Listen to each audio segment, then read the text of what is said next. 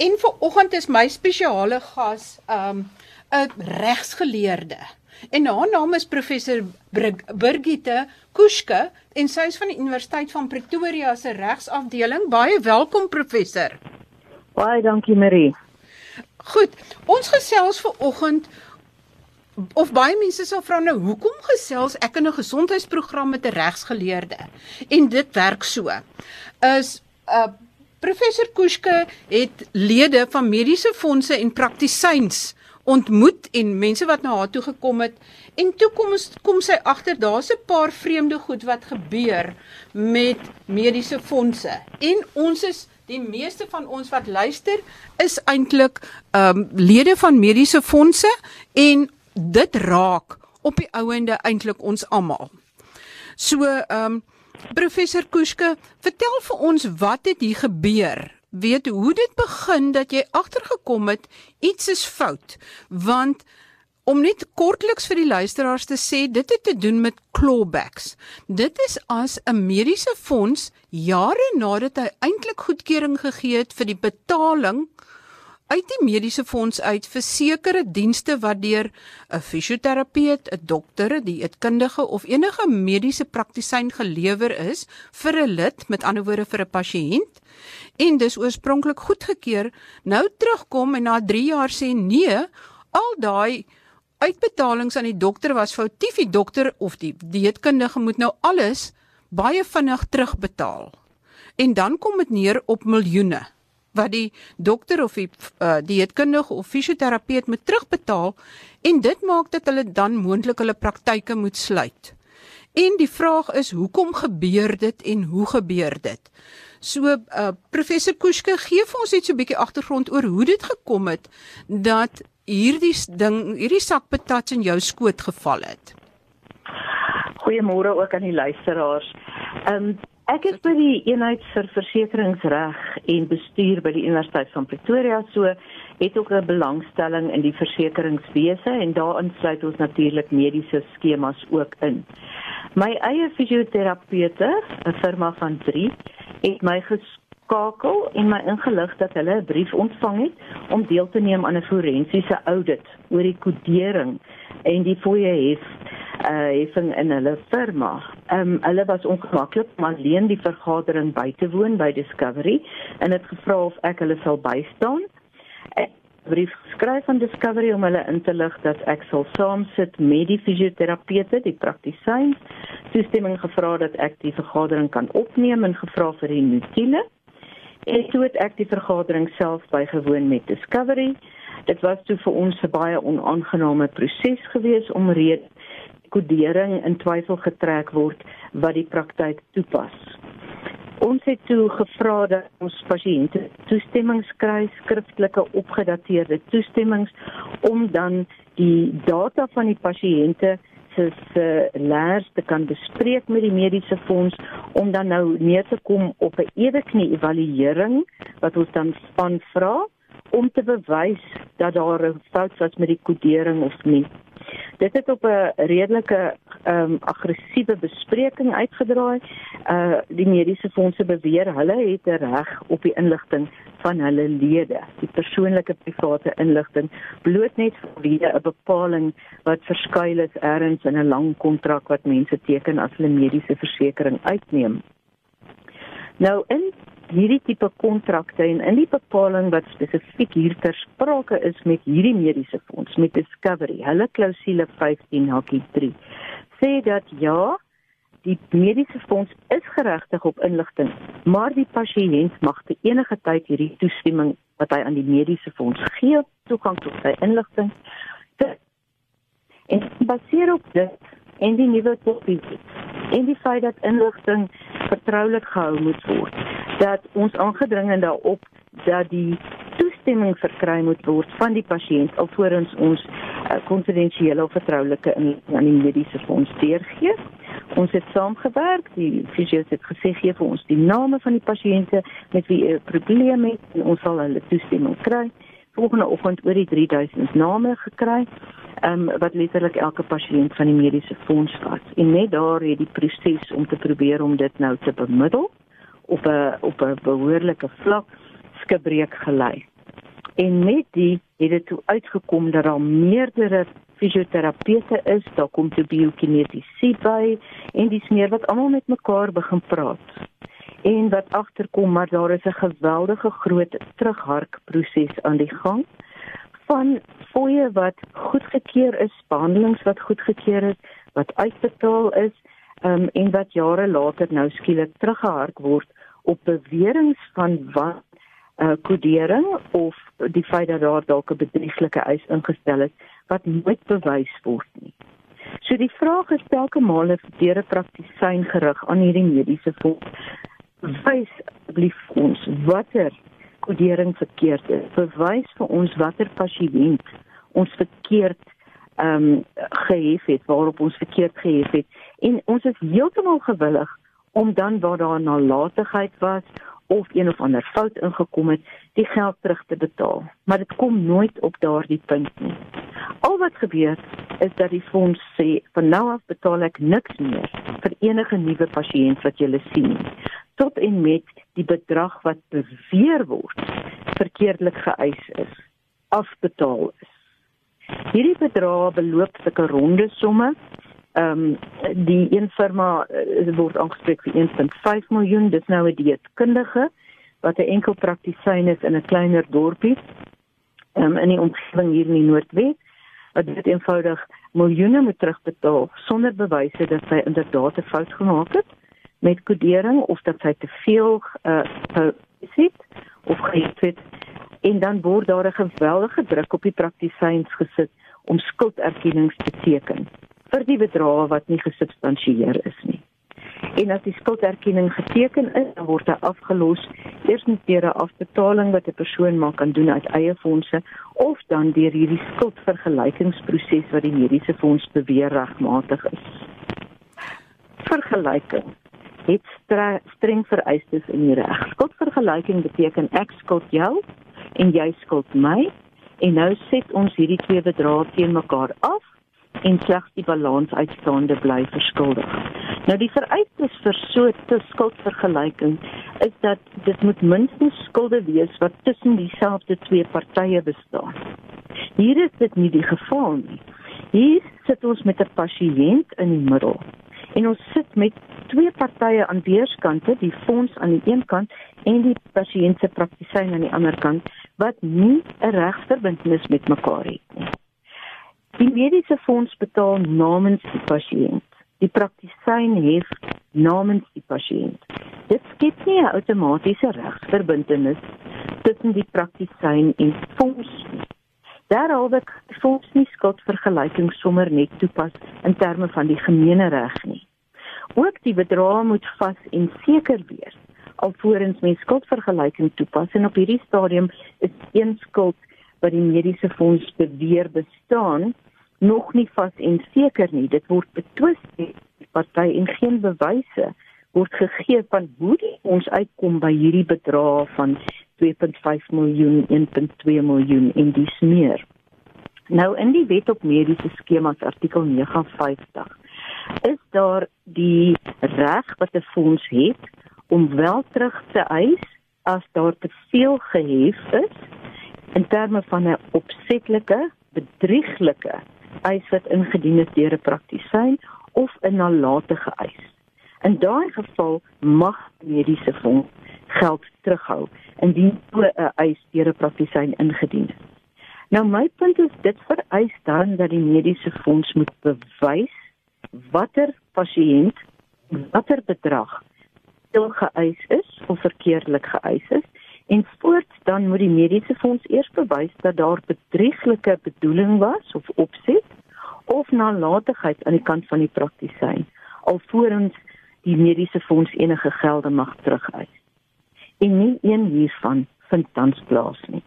Of eenvoudig 'n bedrag genoem aan 'n praktisyn gesê jy moet asseblief 'n skulderkenning teken of ons gaan jou laat skors of ons gaan pasiënte sê hulle moet nie meer betrokke praktyk besoek en dan word geld dood eenvoudig net terughou van die einde van so 'n vergadering af vorentoe en die praktisyns hulle deure toe na.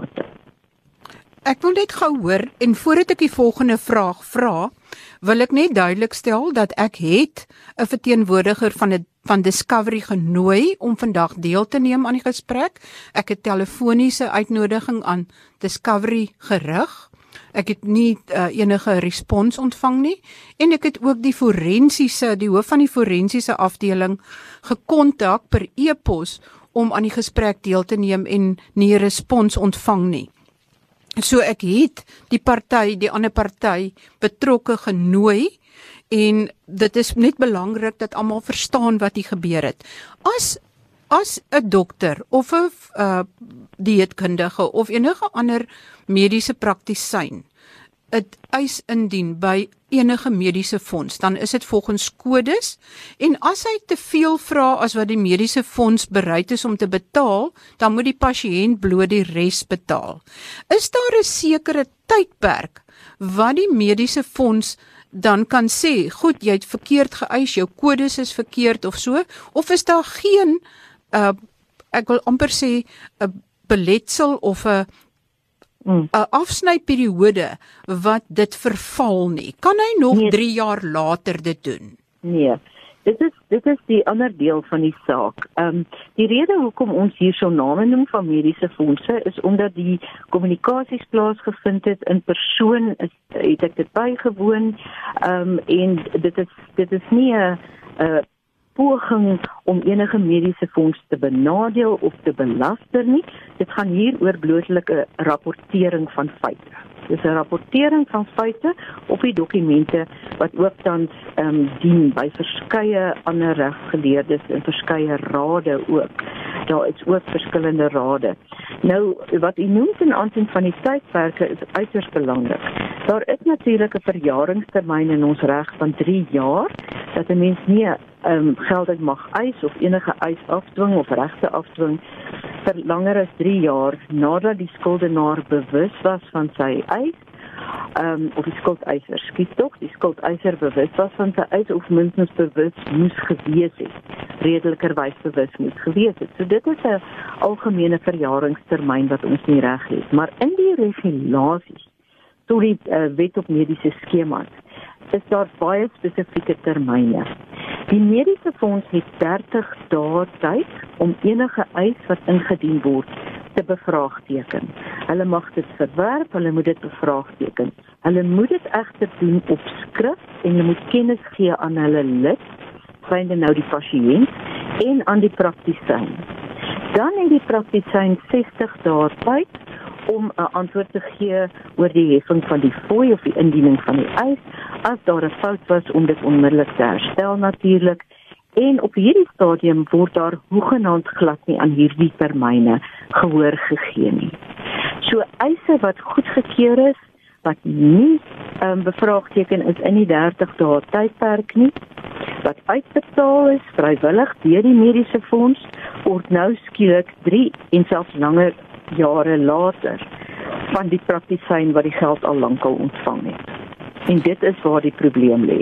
Die probleem lê dat die fonds nie hou by die 30 dae 60 dae termyn nie. En die tweede plek dat die praktisyn nie kan skry om homself te kan verweer oor die beweringe van vals heffing van fooie nie. Ehm um, daar's geen items wat aan hom gegee word. Daar's geen pasiënte se identiteite wat gegee word om te sê hierdie spesifieke geval is die probleem en wat die praktisyn dan 'n uh, eh, uh, eh, peer review board soos ons dit noem, 'n uh, ewe knie evalueringsraad kan aanvra en aansaamstel nie. Want hy weet dood eenvoudig nie wie die pasiënt is vir wie hierdie spesifieke clawback of terughark gaan plaasvind nie. Nou hierdie optrede het nou verskeie implikasies en dit is ook een van die hoofredes hoekom ek dit in my gesondheidsprogram bespreek. In die eerste plek verstaan ek dat al hoe meer praktisyns raak nou ongenee om mense met Discovery Mediese Fondse te behandel sonder dat die lid self die volledige bedrag betaal en dan sal die dokter dit terugeis van die mediese fonds. So dit beteken die lid moet nou self eerste die volledige bedrag betaal maak nie saak wat dit is nie. Dit is punt nommer 1. Punt nommer 2 is dat daar genoem word dat jy het nou gesê daar was nie peer review nie. Met ander woorde, 'n fisioterapeut wat iets verkeerd doen of verkeerde kode gebruik of verkeerde behandeling gee, word nie beoordeel deur 'n forensiese afdeling deur ander fisioterapeute wat goeie fisioterapeute is of geëerde of betroubare uh, name het in die bedryf nie. Hulle word beoordeel deur 'n chiropraktisyn. Dis reg. Dit is die tweede punt. Met ander woorde, dis nie peer reviewed nie. Die Uh -uh. die Nee. dit kan en, jy en onthou asseblief dat die die tans die proses word word die individu se leer nie dan bespreek nie. En elke individu het subjektief ander behoeftes, ander beserings. Ehm um, en en dit is waarop die fisioterapeute byvoorbeeld beoordeel moet word is wat het hulle in 'n baie spesifieke geval gedoen? Hoekom het hulle 'n sekere behandeling toegepas? En dit moet dan deur 'n klomp spesialiste beoordeel word, nie bloot eenvoudig 'n opinie van 'n enkel persoon wat aangestel is deur een van die partye nie. Ehm um, dit is onregmatig om te sê maar ehm um, ek ek wil 'n eweknie evaluering hê en iemand stel dan hulle eie mens aan of hulle eie werknemer aan um eie konsultant dalk om hierdie saak aan te hoor sonder die nodige kwalifikasies.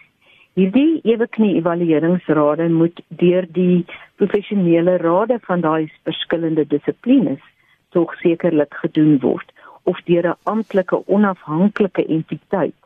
Um wat daar baie mense van is, daar is forensiese auditeurs wat bereid is om hierdie tipe rade te um hou saam te stel en en die werk te doen en dan is daar natuurlik um uh, ook verskillende individuele uh persone van hoogs aangeskrewe instellings tersiêre inrigtinge en dies meer wat ook op so 'n raad sou kon dien. En onpartydig dan kyk na die feite van elke geval van elke pasiënt en dan sê maar hier het die fisioterapeut te veel geëis of te veel gedoen of te min gedoen. Natuurlik waar dit blyk dat daar enigstens bedrog was of 'n fout was, dan moet die praktisyn daarvoor instaan. En dit is nie tans die probleem nie. Die probleem is dat die klagtes word gelê teen 'n praktisyn sonder bewyse en dan word geld doeteenvoudig teruggehou sonder dat 'n mens sekerheid het waarvoor waar 'n mens verkeerd gegaan het.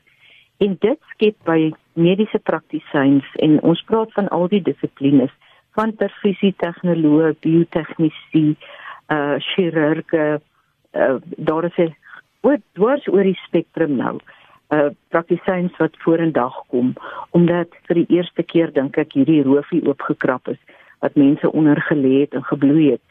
En nou op hierdie stadium is almal besig om vorendag te kom met dieselfde tipe van stories en dieselfde probleme wat hulle ervaar. En almal voel in die eerste plek ongelooflik te nagekom dat hulle beskuldig word daarvan van kriminele optrede ehm um, en verduistering van geld of potensiële valse eise wat ingedien is en hulle kan nie die teendeel bewys nie. Hulle kry nie 'n geleentheid om hulle onskuld te bewys of om feitelike sekerheid te kry van waar hulle dalk verkeerd gaan nie. Dit natuurlik bring 'n tipe van 'n terughouding dat die dat die dokter homself die hele tyd bevraagteken of die fisio haarself bevraagteken of hulle die regte behandeling wel doen of hulle dit nie doen nie. En natuurlik omdat hierdie so lank uh oor 'n lang termyn plaasvind en nie binne 30 dae en 60 dae plaasvind soos dit moet nie sleep die belange van 'n pasiënt wat heeltemal onbewus is van wat om hom aangaan vir jare vorentoe aan daar is uh, pasiënte wat nie weet dat hulle eise in twyfel getrek word nie wat reken hulle finansies is in orde die fonds het betaal uh die praktisyn is betaal en hulle dink alles is in orde terwyl dit aan die ander kant hoegenaamd glad nie is nie. Dit bring ons by 'n ander punt en dit is die geld wat wel so teruggehark word. Waar gaan dit heen?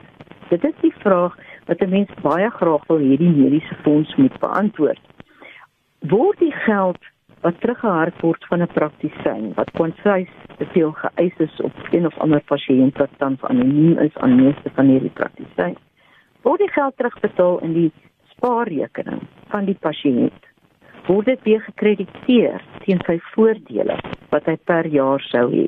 Indien wel hoe as die geld teruggeëis word of teruggehark word van behandeling wat 3 jaar gelede gedoen is, word die geld dan in kontant aan die pasiënt uitbetaal of terugbetaal deur die fonds of word sy huidige voordele gekrediteer daarmee of wat gebeur met daai spesifieke bedrag? Dit is wat ons wil weet.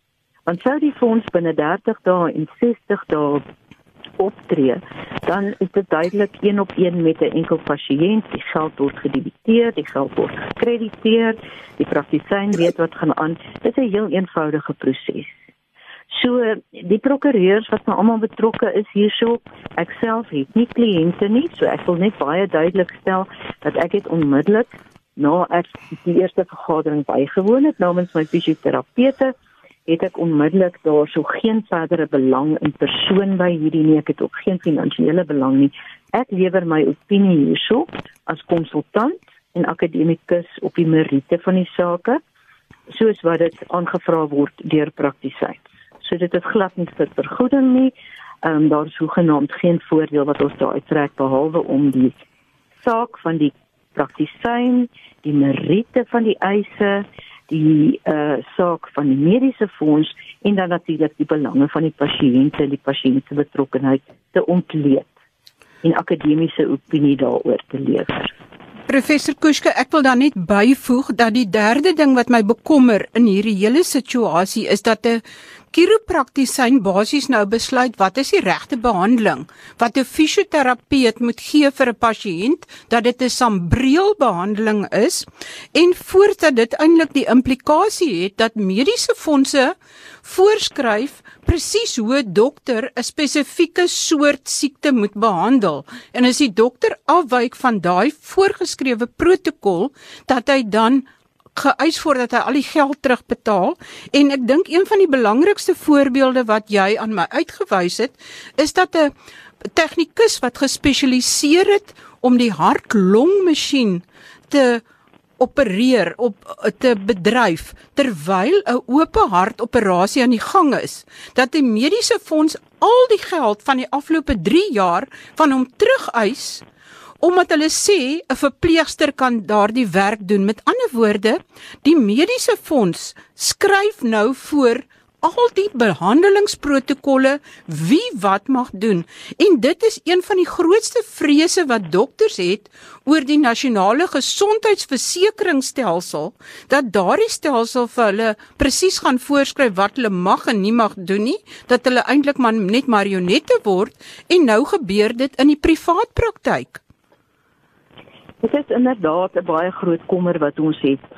As 'n mens nou kyk na die kodering byvoorbeeld, die kodes wat daar bestaan. Ehm um, dit is bloot riglyne wat uitgevaardig is en waaraan praktisyns en mediese fondse kan voldoen omdat ons die behandeling laat in die hande van die professionele mediese praktisyn wie hy of sy ook al is en dat daar dan versekerde goed wel geld geëis kan word. Daar is nêrens 'n vaste riglyn wat dan sê as jy 'n fisioterapeut is, moet jy dit doen om dit te eis. Jy moet dit dat doen om hierdie te eis. Jy mag nie meer as dit of dit doen nie. Daar is geen vaste riglyne nie. So die mediese doen wat hulle dink is die beste vir hulle pasiënte. En dan hoor hulle later hulle moenie of hulle mag nie of hulle kon nie maar niks daarvan is gebaseer op 'n vaste bindende stel reëls of kodes nie.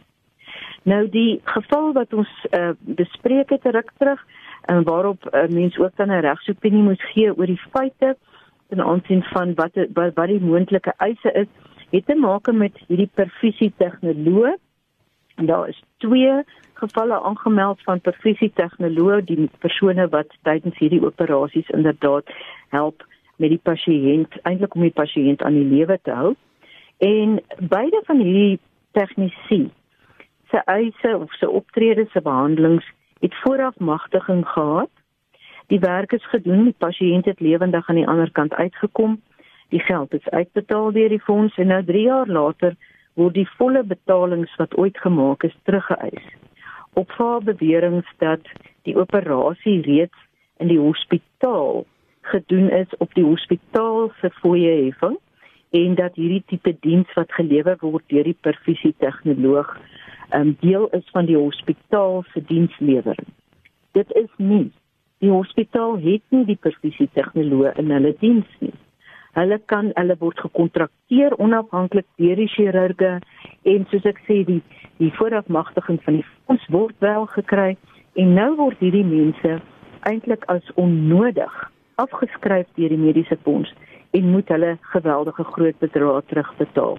Ehm um, die bedrag wel bekend aan my van een van hulle is 2.5 miljoen rand vir werk gedoen die laaste 3 jaar en dit is 'n geweldige klomp geld vir 'n individu om skielik terug te betaal en om hy kan nie verder werk. Baie baie werk is die minimum. En dit is tot nadeel van die groot pasiënt, die verbruiker in hierdie saak. Baie baie dankie professor Kuske. Ons sal definitief 'n verdere gesprek moet hê want dit is baie belangrik dat hierdie goed onder die mediese fondslede se aandag gebring moet word. En ek wil net vinnig nog twee aspekte noem en dit is dat Discovery genoem is as een van die moontlike bestuurders van die Nasionale Gesondheidsversekeringsfonds wat die grootste fonds in die land sal wees en mense weet dat die regering dit nie sal kan doen as mens kyk na hulle uh, rekord van instansies wat in duie gestort het nie. Maar nou begin mense ook ernstig te vra te vra oor die betrokke instansie En in die in die verdere plek is daar is geen kwaliteitskontrole of bittermin in die private sektor. En die mediese fondse doen dinge om sekere dokters optrede te red flag om alarms uit te stuur as daar vra is. Inderdaad. Ja, maar ons wat wat gebeur met meeste ander uh, fondse op baie van hulle dat die oomblik wat die uit deur gaan word hy gered vlek as iets wat nie mag gebeur nie, iets wat nie gehef mag word nie. En dan is daar die 30 dae tydperk en die 60 dae tydperk. Ja. En ehm um, as dinge nie binne daardie tydperk afgehandel word of bevraagteken word of uitgesorteer word nie, dan is daar geen beskerming vir enige mediese praktisyn wat dalk jare later ongeag verjaring, ongeag die statutêre tydslimite in die regulasie het van die wet. Ja. Dit eenvoudig net uh, kennis kry van 'n bedrag arbitrêr wat terugbetaal moet word en dan sonder 'n uh, behoorlike ondersoek, uh, sonder identifikasie word die bedrag dan as betaalbaar. Baie dankie professor Kuske. Ons tyd is regtig besig om ons in te haal, maar daar's nog verskeie aspekte. As enige dokter of praktisyn dieselfde probleme ondervind, skryf 'n e-pos aan die volgende nommer. E-posadres dis clawbacks c l a w b a c k s clawbacks @vxpress vxpress.co.za en uh kontak gerus maak gerus kontak en bring dit onder ons aandag as daar enige ander mediese fondse is wat dieselfde tipe dinge doen laat ons weet. Tot volgende keer wanneer ek weer oor gesondheidsake gesels. Groete van my Marie Hudson